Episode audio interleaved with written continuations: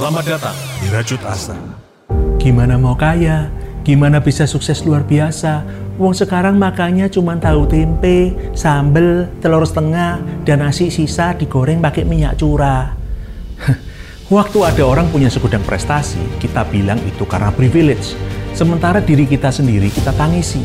Cekak modal, kita jadikan alasan untuk mager tidur-tiduran sampai otak yang tadinya encer, jadi teler. Diajak berusaha kita sering bilang percuma, karena kalau ditanya kita bilang modal pun kita nggak punya.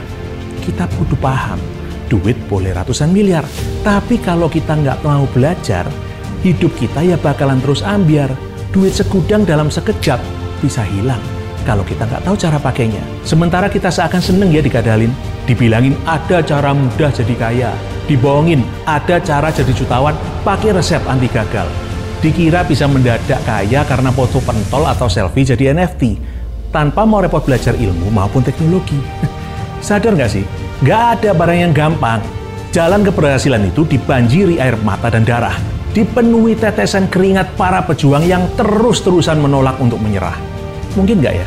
Sebenarnya kita bisa terbuai omongan orang janji kosong dan investasi bodong bukan karena kita ini blow on, tapi karena kitanya pengen cari cara gampang, menolak usaha yang benar karena sukar, karena takut gagal dan malas belajar. Sadar nggak?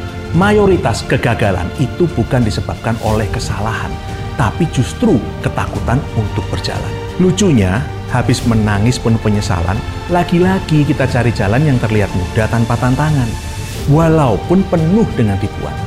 Guess what? Kalau kita nggak mau belajar menghadapi kegagalan, kalau terus cari alasan untuk menutupi ketakutan, sampai jasad kita busuk habis dimakan belatung di kuburan, kita, my friend, nggak akan pernah ke mana-mana.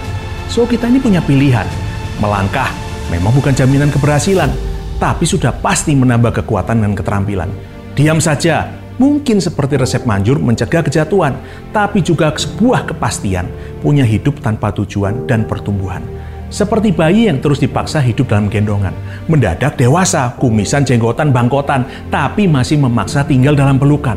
Kesempatan pun kita lewatkan untuk hidup penuh penyesalan dan cita-cita yang selamanya hanya tinggal jadi sebuah impian.